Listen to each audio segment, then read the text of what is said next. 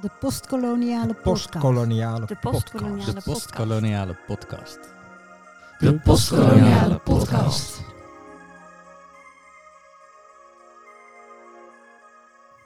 De Njai en de Baboe zijn twee cruciale figuren uit het Nederlandse koloniale verleden. De Njai is de voormoeder van veel Nederlandse Indo-Europeanen en Indo-Europese Indonesiërs.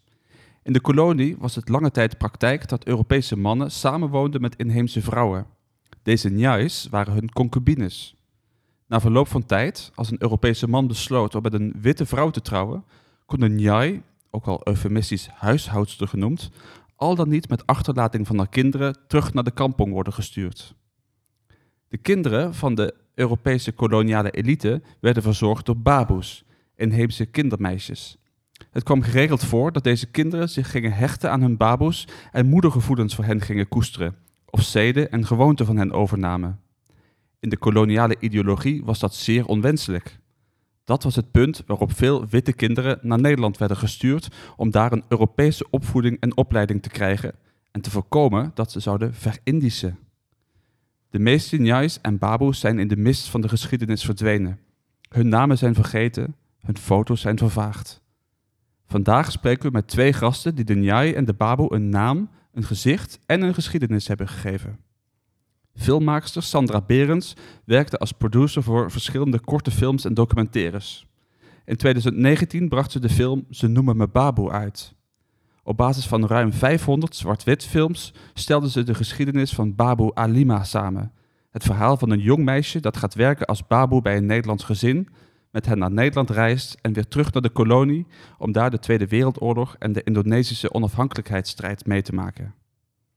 Schrijfster Dido Michielsen publiceerde in 2019 Lichter dan ik, een roman die is geïnspireerd op het leven van haar bedovergrootmoeder en talloze inheemse vrouwen zoals zij. Haar personage Isa groeit op in de Kraton, het vorstenverblijf in Jogja. Haar levensloop lijkt daarmee vast te staan. Maar ze weet te ontsnappen aan de traditionele standenmaatschappij. Ze wordt huishoudster en minnares van een Hollandse officier en schenkt hem twee dochters.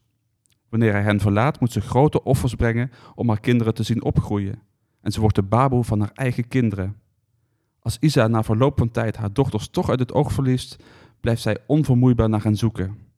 In 2022 verscheen met Engel en Kinari het vervolg op Lichter dan ik. Dat gaat over de geschiedenis van die twee dochters. Mijn naam is Rick Honings. Mijn naam is Koen van het Veer en dit is aflevering 10 van de postkoloniale podcast. De inheemse vrouw boven de geschiedenis uitgetild. Sandra, welke band heb jij met Indië en Indonesië? Uh, mijn moeder die is in Indonesië geboren, in Semarang. En uh, die is hier als wees na de oorlog naartoe gekomen.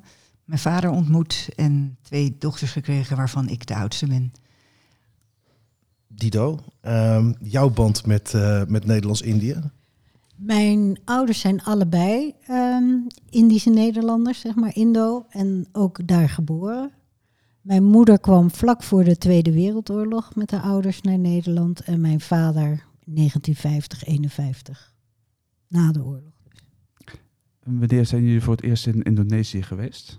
Ik in 1992 op huwelijksreis. En hoe was dat? Wat zag je toen? Nou, ik, het was ook mijn eerste keer in Azië en ik was nogal onvoorbereid. Maar wat ik wel leuk vond, was dat ik al die ooms en tantes terugzag. Al die gezichten die me bekend voorkwamen. En welke indruk maakte Indonesië op je? Um, ja, het was, het was toch een beetje een reis op zoek naar de huizen waar mijn moeder had gewoond. En ik vond het wel erg chaotisch allemaal. Het was wel overweldigend.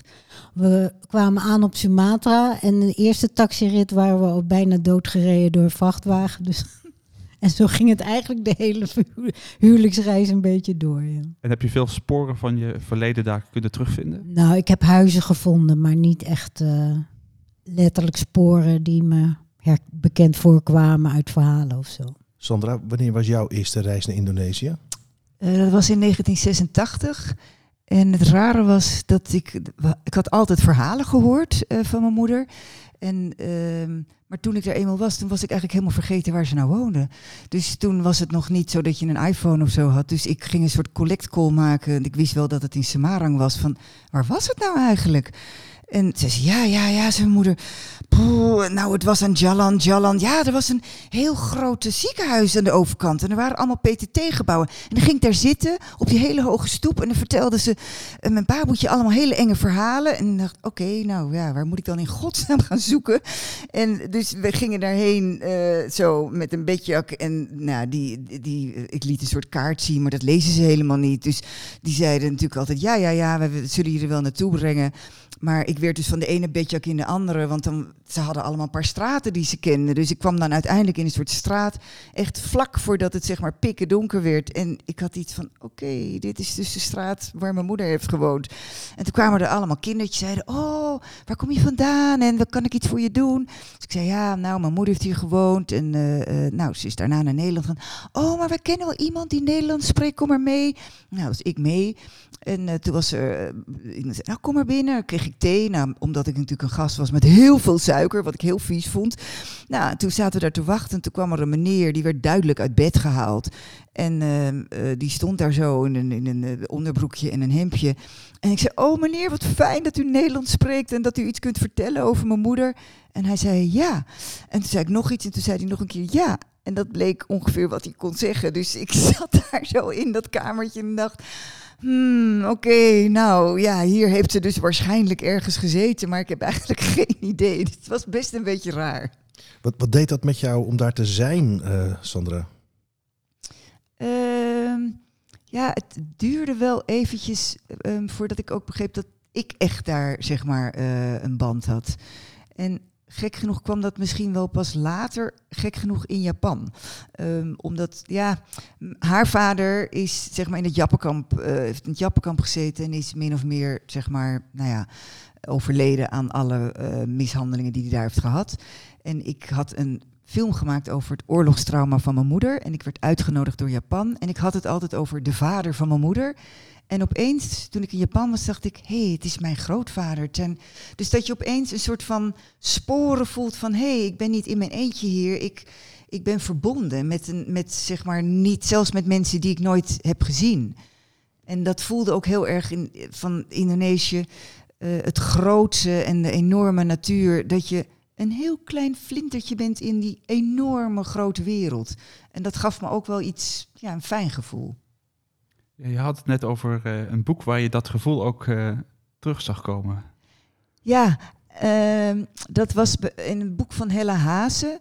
En ehm, dat, wat ik daar zo mooi aan vond, het was, uh, ik weet eigenlijk altijd, voor, ik weet niet meer precies waar het staat, maar ik was in Zwitserland en achteraf bleek ik daar zwanger te zijn geworden en ik voelde me heel raar. En ik las dat boek en het was echt zo dat ik me zo identificeerde met die vrouw die zeg maar daar in middle of nowhere bij een theeplantage zat en ja, zich ontzettend eenzaam voelde, maar ook heel erg verbonden voelde met die natuur.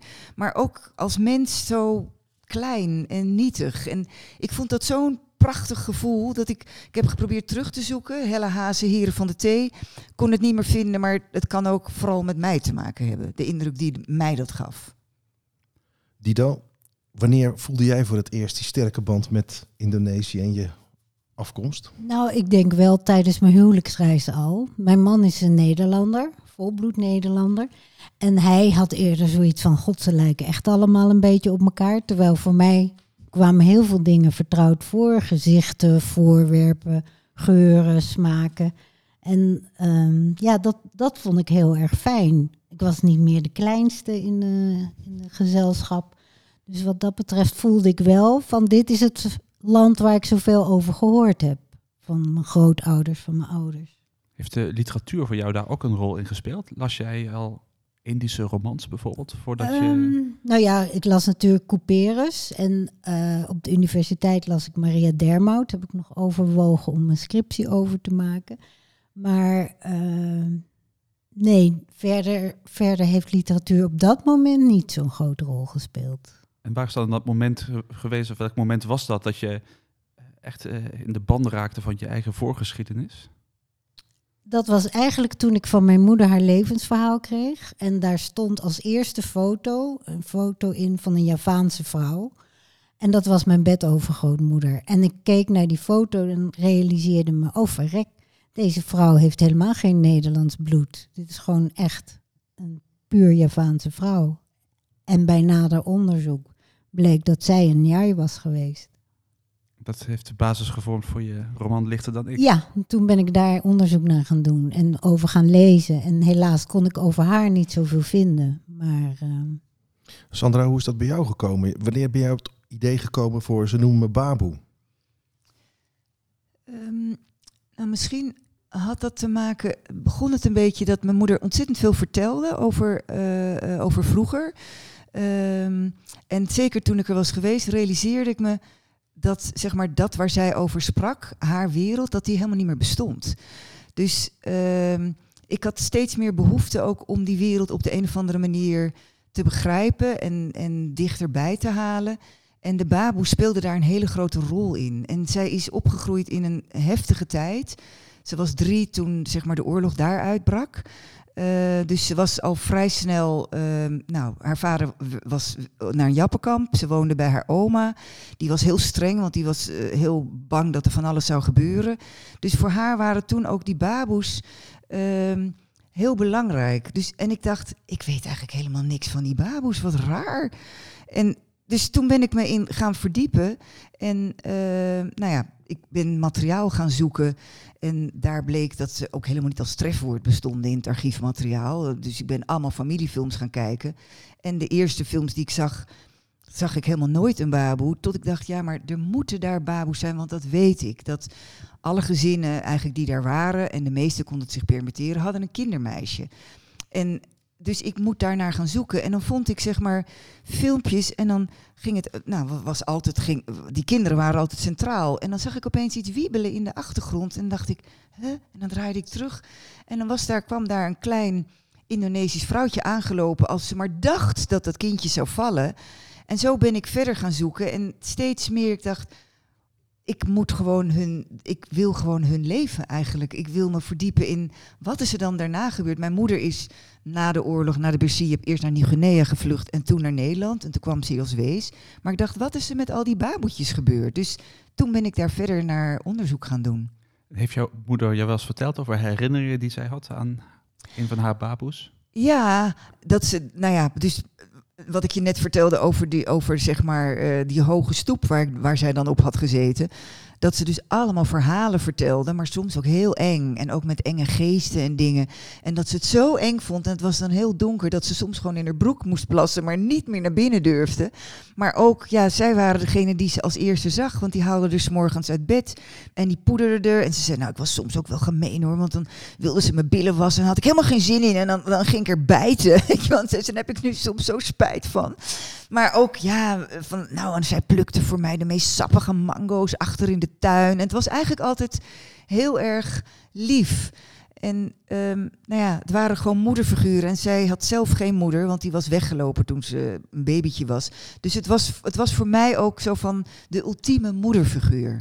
Wat eh, jouw boek, eh, Dido, Lichter dan ik en de film, eh, ze noemen Bababo met elkaar delen, is dat er een inheemse vrouw boven de geschiedenis uit wordt getild.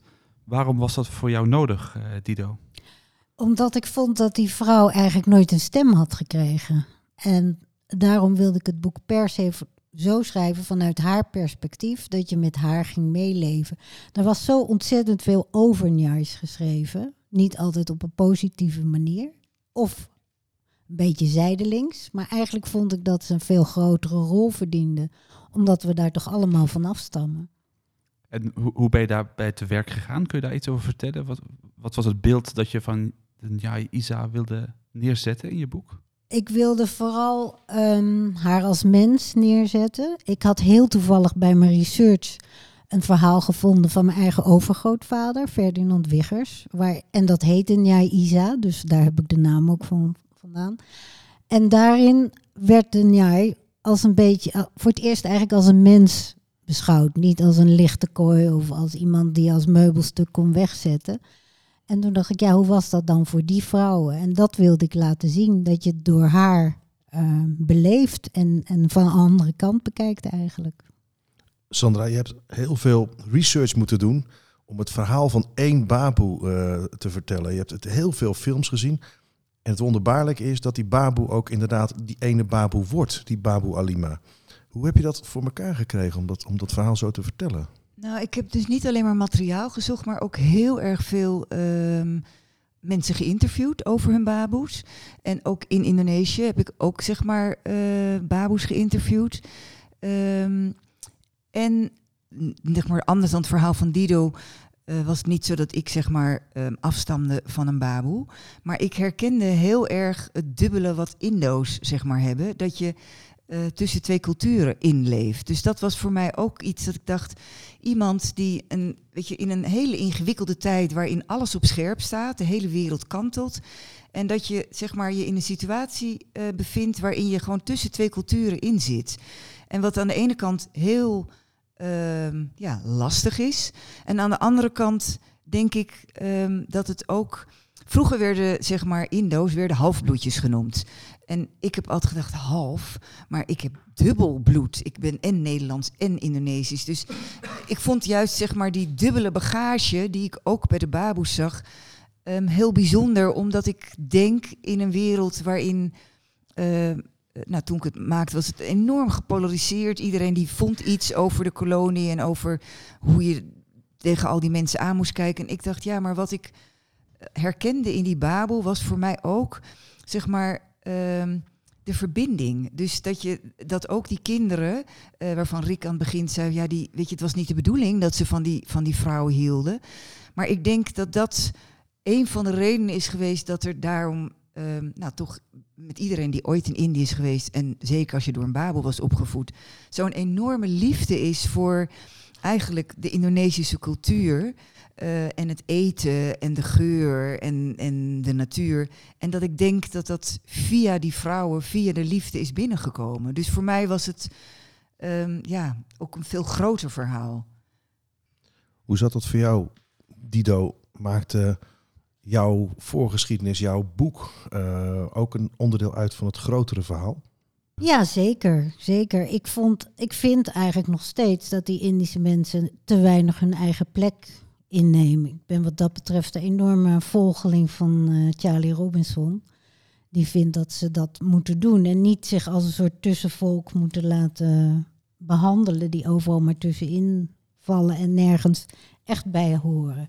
Dus ik vond ook wel, ik dacht, dit is het ontstaan van die Indische mensen. Dit moet ook geweten worden. Je noemt eh, de literatuur al. In je tweede boek, Engel en Canarie, speelt die literatuur een enorm grote rol. Ja. Op, Ja, je moet het zelf op het postkoloniale af. Ja, nou vertel. Mijn hoofdpersoon, Louisa, die eh, is dus opgegroeid en op de dertiende uitgehuwelijk, maar ze heeft nooit geleerd hoe ze moeder moet zijn, hoe ze vrouw moet zijn. En besluit dan, ik ga lezen om het te ontwikkelen en verheugt zich enorm op de Indische romans die ze in haar leestrommel vindt. Maar ontdekt dan dat in die Indische romans heel veel wat je nu microagressies staan. Eh, niet alleen wat ze toen de inlanders noemden, kwamen er heel slecht vanaf. Dat had ze wel verwacht, want dat, dat hoorde ze al haar leven lang. Maar het valt haar op dat ook de Indische mensen eigenlijk steeds een sneer krijgen. Lui zijn, onbetrouwbaar, ehm, je hebt er toch eigenlijk niks aan. En ehm, in die zin valt haar die literatuur op en valt het haar dus heel erg tegen. Maar dan krijgt ze in 1913 de brieven van Cartini in handen en dan kantelt dat beeld eigenlijk ook weer. Want Cartini moedigt haar aan om zelf initiatief te nemen en voor zichzelf op te komen.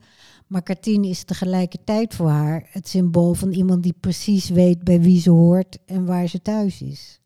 En mijn hoofdpersoon is steeds wanhopig op zoek naar haar Indonesische moeder. Je zou kunnen zeggen, Kartini is een van de grote helden van de natie in, in Indonesië. Ehm, een voorloper van het nationalisme. Eh, dat nationalisme speelt in jouw film een grote rol, Sandra. Het Indonesische nationalisme. Nou, het grappige is dat je net Cartini noemt en die speelt ook een grote rol in, in, eh, in de Baboe. Eh, omdat dat inderdaad een groot voorbeeld is. En ehm, zeg maar, mijn hoofdpersoon eigenlijk ook probeert om te ontworstelen aan haar rol van alleen maar zorgen voor een kind. En eh, gek genoeg, juist door haar reis naar Nederland, zich realiseert dat haar land eigenlijk nou ja, sowieso recht heeft op soevereiniteit. Maar ook dat zij als vrouw meer is dan alleen maar een kindermeisje. En dat ze zich dus eh, heel erg ehm, op het moment dat ze haar geliefde ontmoet en samen ook hebben over de onafhankelijkheid van Indonesië, dat dat voor haar ook een soort ehm, trigger is van, maar weet je, ik speel daar ook een rol in. Ik kan ook ehm, dat wat ik kan, want zij heeft wel van haar moeder leren lezen. Ik kan als vrouw ook weer andere eh, vrouwen zeg maar weerbaarder maken en leren lezen en nou ja, zeg maar leren nadenken. Dus voor haar, dat gaat een beetje gelijk op. Zeg maar de liefde en dat iemand haar niet alleen maar ziet als zeg maar lichamelijk aantrekkelijk, maar ook als een soort soulmate van samen, weet je wel, strijden we voor een onafhankelijk Indonesië. Is er ook een reactie op jouw film gekomen vanuit Indonesië? Nou, ik had een beetje de pech dat ik ehm, precies uitkwam toen, cort uh, corona, toen corona um, kwam. Dus ik, heb, uh, ik zou daar naartoe gaan en dat is uiteindelijk niet van gekomen. Maar ik ben wel op twee festivals geweest en heb ook wel, zeg maar, gezoomd met mensen. Je zoomde vooral in die tijd. En, uh, en er was... Ehm, nou ja, er is ook een, een soort online website waar heel veel filmmakers ook op reageerden die de film hadden gezien. Dus ik heb er wel um, ja, heel veel bijzondere reacties op gekregen. En hoe kijkt men dan uh, in Indonesië hiernaar? Um, nou ja, ze, ze, ze waren vooral ook heel erg onder de indruk van dingen die ze niet wisten. En ook materiaal wat ze niet eerder hadden gezien.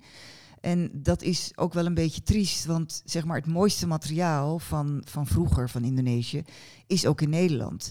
Um, en dat kwam omdat het meeste ook gefilmd is door Nederlanders, die ook het geld hadden en de tijd om te filmen. Um, dus dat is één uh, ding.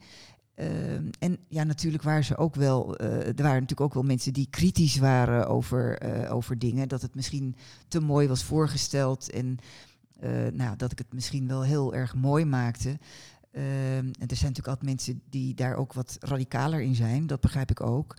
En ik heb ook helemaal niet dat ik denk, dit is het verhaal. Ik heb geprobeerd om een verhaal te maken, wel gebaseerd op allerlei verhalen die ik heb gehoord. Um, maar ja, er zijn ook mensen, ja, het was voor sommige mensen ook niet leuk. Nee, dat begrijp ik en dat heb ik ook wel laten zien, maar dat was niet, zeg maar, mijn grootste focus.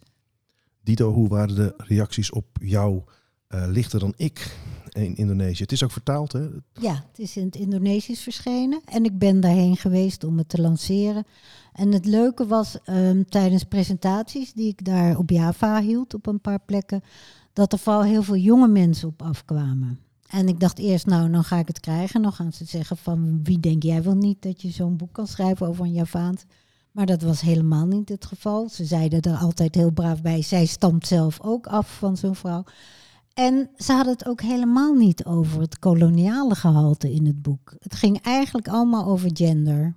Uh, de, rol van de vrouwen, gelijkwaardigheid voor vrouwen. En nog krijg ik dagelijks, bijna dagelijks, uh, berichten via Instagram van dank voor je boek. Ik ga me nog harder inzetten voor gelijkheid voor vrouwen. En dat is, was heel verrassend eigenlijk. Dus in die zin kan Nederlandse literatuur in Indonesië nog steeds emanciperend werken. Dat is toch heel bijzonder? Ja, blijkbaar wel. Het is ook opvallend hoe weinig ze weten hè, van die koloniale tijd. Zeg maar na Suharto, alles wat daarvoor gebeurd is, is net alsof dat nog in een dikke nevel is gehuld daar.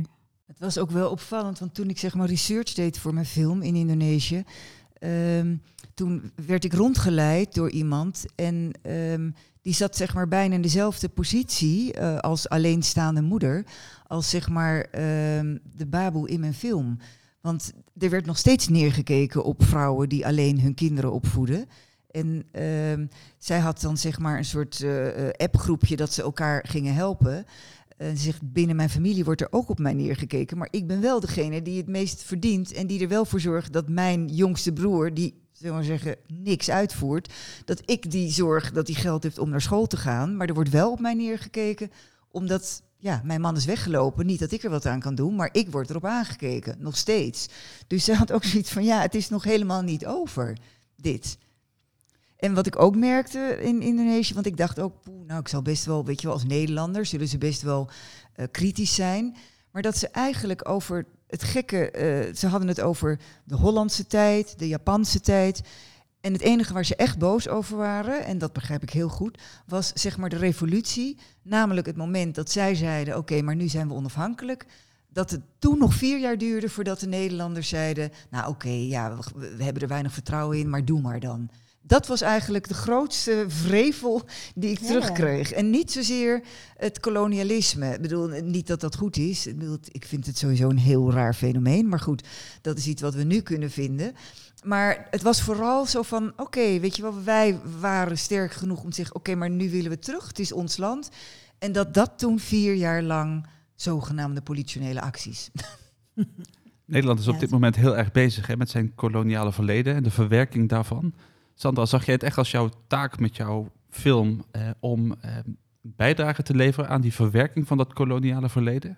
Nou, ik, ik zag het, wat ik eerder ook zei, ik zag het ook als een verbinding. Dat het, dat ik dacht, wij hebben samen een geschiedenis. En die geschiedenis, die is al eeuwenlang. En ehm, dat is vaak ook helemaal niet een mooie geschiedenis. Dus ik wilde vooral eigenlijk een soort verbinding zijn dat er gewoon over gesproken wordt. En dat, dat je daarmee ook kan, eh, samen kan kijken naar de echte nare dingen die er zijn gebeurd.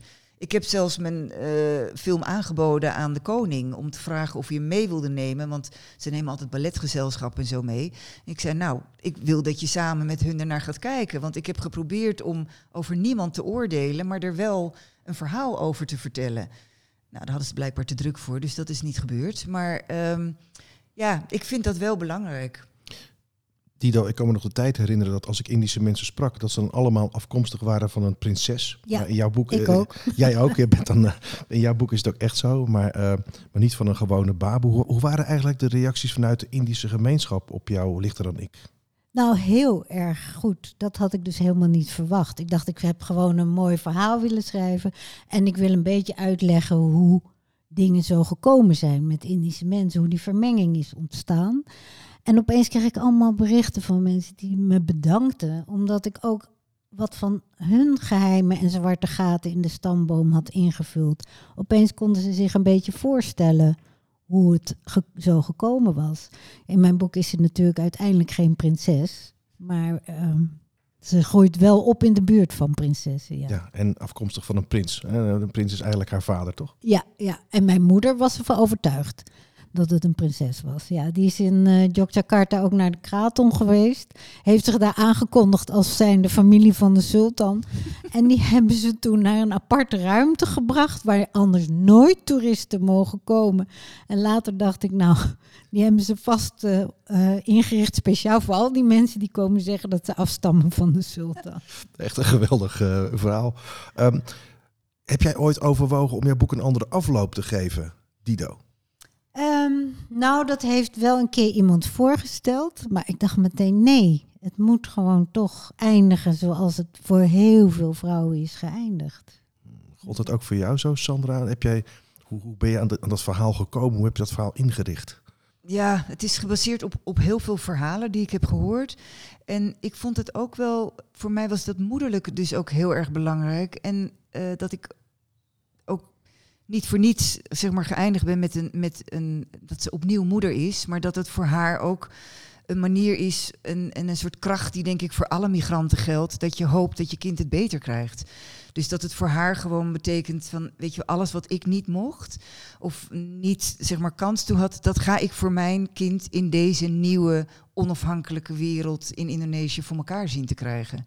En tegelijkertijd dat het ehm, ook betekent op het moment dat ze dat kindje in haar armen krijgt en ze, nou ja, zeg maar Jantje bijna als baby was de eerste baby waar zij echt voor moest zorgen. Dat, dat ze even dat gevoel ook heeft. En dat staat helemaal los van het hele politieke. Ik heb heel erg geprobeerd om op het menselijke in te gaan, omdat ik denk, ehm, de grootste ruzies gaan over nou ja, de politieke kant. En dat er dus ergens mensen die ergens bovenaan zitten en nooit vooraan in de strijd bedenken, dit is nu je vijand en dit moeten we doen. En de meeste mensen die moeten overleven binnen de, de structuren die zijn gemaakt door andere mensen. En ik denk dat de meeste mensen toch wel proberen om gewoon als mens met elkaar te leven. Waar moet het nu naartoe, vinden jullie? Met Nederland en de omgang met het koloniale verleden. Dido? Oh, daar moeten we nog veel meer mee bezig zijn en veel meer over weten. Over alles wat er is gebeurd. Ook inderdaad in de onafhankelijkheidsoorlog. Nou ja, daar wordt al heel veel onderzoek naar gedaan. Maar het moet gewoon een beetje algemene kennis worden. En Nederlanders moeten echt onder ogen zien wat daar eeuwenlang is gebeurd. En dat hele idee van eh, daar wordt iets groots verricht, daar mag wat mij betreft wel een einde aan komen. Is daarbij ook meer behoefte aan die inheemse perspectieven? Dat helpt wel. Ja, ik denk wel dat het goed is om, eh, om eens wat meer empathie te voelen voor, wat, voor mensen die daar leefden. Wat heb jij bijvoorbeeld geleerd toen je in eh ja, Isa ging verdiepen? Nou, de, de vanzelfsprekendheid waarmee de Nederlanders zich het land en de mensen hebben toegeëigend. En dat dat eeuwenlang zo door is gegaan en dat dat nog steeds voor sommige mensen ehm, een soort recht is. Dat- In hun gedachten. Ze zullen het niet hardop zeggen, maar ze gedragen zich wel zo. Hoe kijk jij daar tegenaan, eh, Sandra? Nou, ik ben geen politica. Ik, ik denk alleen maar wat mijn moeder mij heeft meegegeven en dat heeft daarmee te maken is ehm, dat er zeg maar veel onrecht ook was en is. Maar dat zij het altijd heel dicht bij zichzelf hield. En als er echt iets gebeurde waarvan ze echt dacht, nou weet je, ik kan er gewoon niet bij. Dat iemand zo zich dingen toe-eigent of echt, nou ja, gewoon onbeschoft is. Dan zei ze altijd tegen ons, nou die hebben gewoon geen innerlijke beschaving. En dat was het hoogste goed wat je zeg maar in Indonesië kon hebben. Namelijk dat je gewoon een innerlijke beschaving stond voor heel gewoon voor dat je met respect eh, met elkaar omgaat, naar elkaar luistert, naar elkaar kijkt, attent bent, eh, deelt. En dat was dat hoeft ook nooit eigenlijk gezegd te worden. Dat was heel duidelijk dat sommige mensen dat niet hadden. Kijk, mijn vader is Nederlander, die is een echte activist. Er is net een boek over hem uit, 91 jaar lang activist. Dus die is het omgekeerde op de barricade. Terwijl wat ik van mijn moeder leerde, en dat herkende ik ook in Indonesië, dat je bij heel veel dingen ook iets hebt van, oei, weet je wel, ik bedoel, er zijn belangrijkere dingen. Laten we gewoon aardig en lief voor elkaar zijn. Dus het was een soort dubbelheid die ik alle twee in mezelf ook zie. Komt er een vervolg op Ze noemen me Baboe? Ehm, nou, ik ben nu bezig met een andere film. En dat is eigenlijk iets heel anders. Maar dat, ehm, dat gaat over de vooroorlogse Joodse gemeenschap in Amsterdam. Dus in die zin gaat het ook weer over een wereld die er niet meer is. En waar eh, ook veel gebeurd is. En eh, waar ik ook weer wil focussen op het leven. En hoe zit het bij jou, Dido? Komt er nog een deel 3? Ja, dat is eigenlijk wel de bedoeling. Maar voorlopig ben ik nog bezig met een boekje over de oorlog van mijn vader. En hoe ik mijzelf daartoe verhoud. Omdat je toch weinig weet en van alles, voor alles bang bent van wat er is gebeurd. En deel 3, dat komt hopelijk wel een keer. Want dat zou het wel afmaken. Dat zou dan de Tweede Wereldoorlog zijn als buitenkamper. En dan de aankomst en ontvangst in Nederland. We eindigen altijd met een, eh, een fragment en een, eventueel een, een leestip. Heb jij een, een, een- fragment uit een Indisch boek voor ons, eh, Dido? En Ja. welk fragment is dat? Eh, mag ik eerst mijn leestip doen? Want dat is gewoon verplichte kost, vind ik. De 10.000 dingen van Maria Dermout. Vanwege de sfeer en het, de laatste zin en alles eigenlijk wat daarin voorkomt. En het grappige is, ik las onlangs Het mysterie van Mrs. Indonesia door een Indonesische schrijver geschreven. I.B. Mangun Wijaya. En dat is ook eh, prachtig vertaald. Ik moet even de naam van de vertaler, Cara Ella Bouwman noemen. Want die heeft die zinnen, en het is eigenlijk niet uit te leggen heel snel waar het boek over gaat. Maar de zinnen zijn zo mooi, meanderend en ehm, bizar, zo nu en dan. Kun je daar een stuk uit voorlezen? Daar kan een klein stukje uit voorlezen wat het hopelijk illustreert. Maar gelukkig werd onze vrouwen, anders dan de anderen, niet verdrietig of boos of zo, maar juist blij en trots bij het zien van de steeds groeiende groep afgunstigen, want was dat niet een duidelijk bewijs hoe hoog ze in prestaties en status was gestegen, met als logisch gevolg natuurlijk dat ze hevig werd benijd. Dat was nou eenmaal onvermijdelijk. Ach, Eigenlijk was dat ook niets abnormaals. Want zijn niet veel vrouwen juist gelukkig en trots als een man jaloers is? Het omgekeerde is nog niet zo zeker. Want dat is toch een betrouwbaar teken dat de wisselkoers van de dierbare echtgenoten nog hoog genoeg op de beurs staat genoteerd. Alleen was de primaire betekenis van het begrip beurs voor tante Wie natuurlijk niet alleen beeldspraak, maar ook letterlijk de aandelenbeurs, waar men aan de Jalan Raya Merdeka met geld en waardepapieren speculeert in de o zo prestigieuze hoofdstad. Zo kan ik nog wel een tijdje doorgaan, maar je ziet, er schemert ook een soort humor doorheen. En, Sandra, heb jij ook nog een leestip voor de luisteraars? Ik heb, zeg maar, toen ik de eerste keer naar Indonesië ging, toen had ik een boeken mee van uh, Pramodia Nantatour. En dat was toen zelfs was best wel spannend, want er werd toen gezegd, oh ja, die, als, als ze dat zien bij de douane, dan wordt het weggehaald, want het zijn verboden boeken. Dus ik vond dat ook nog wel spannend. Maar een van de dingen die ik daar heel mooi vond, ik heb het geprobeerd terug te zoeken, maar ik kon het niet meer vinden, maar het is wel verwerkt in mijn film. En het gaat over een hoofdpersoon die, zeg maar, verliefd wordt op een Nederlands familie en ook wel dat ook wel interessant vindt om een beetje bij die Nederlandse familie te zijn. En zijn moeder waarschuwt hem dan. En die zegt van, je, kijk maar uit dat je niet je eigen volk verlogent. En dat je eigenlijk uiteindelijk nergens meer bij hoort. En dat vond ik zo mooi en dat heb ik uh, ook gebruikt in mijn film. Uh, want zij vertelt eigenlijk de hele film aan haar moeder. En uh, dat ze dan gaat ze uiteindelijk mee naar Nederland en dan praat ze ook tegen haar moeder.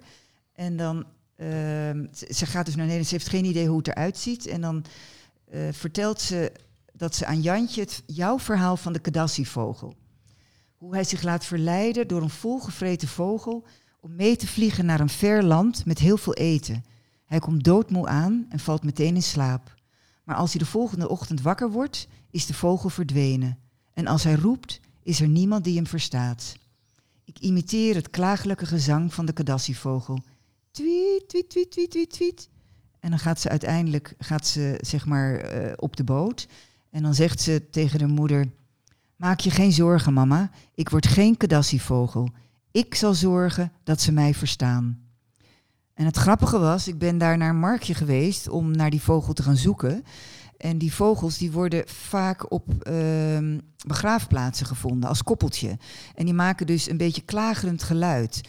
En uh, die zijn geliefd, dus die worden verkocht. Ik was net te laat, op die vogeltjesmarkt had hij hem net verkocht. Wordt vaak verkocht aan jonggetrouwde stellen, omdat het zeg maar een uh, ja, geluk brengt.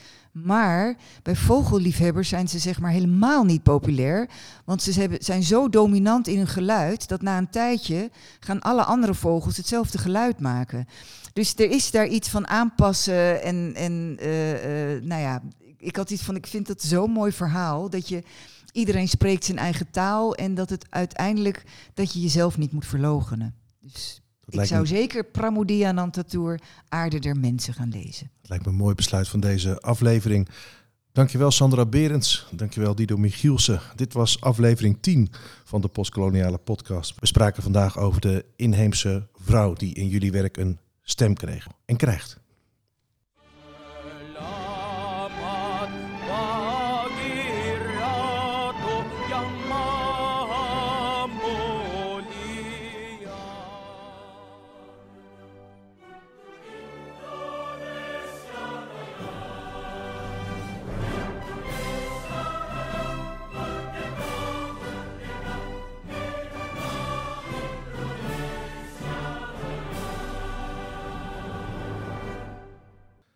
Postkoloniale podcast werd gemaakt in het kader van het NWO-VIDI-project Voicing the Colony.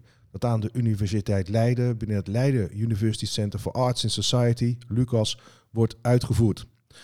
De postkoloniale podcast werd gesponsord door de Maatschappij der Nederlandse Letterkunde en het tijdschrift Indische Letteren. Wil je meer weten over de Nederlands-Indische literatuur? Word dan lid van de werkgroep Indisch-Nederlandse Letterkunde en ontvang vier keer per jaar het tijdschrift Indische Letteren. Zie voor meer informatie de website. Deze podcast werd gemaakt door Goran Buazic, Tatum Meijer, Rick Honings en Koen van Tveer.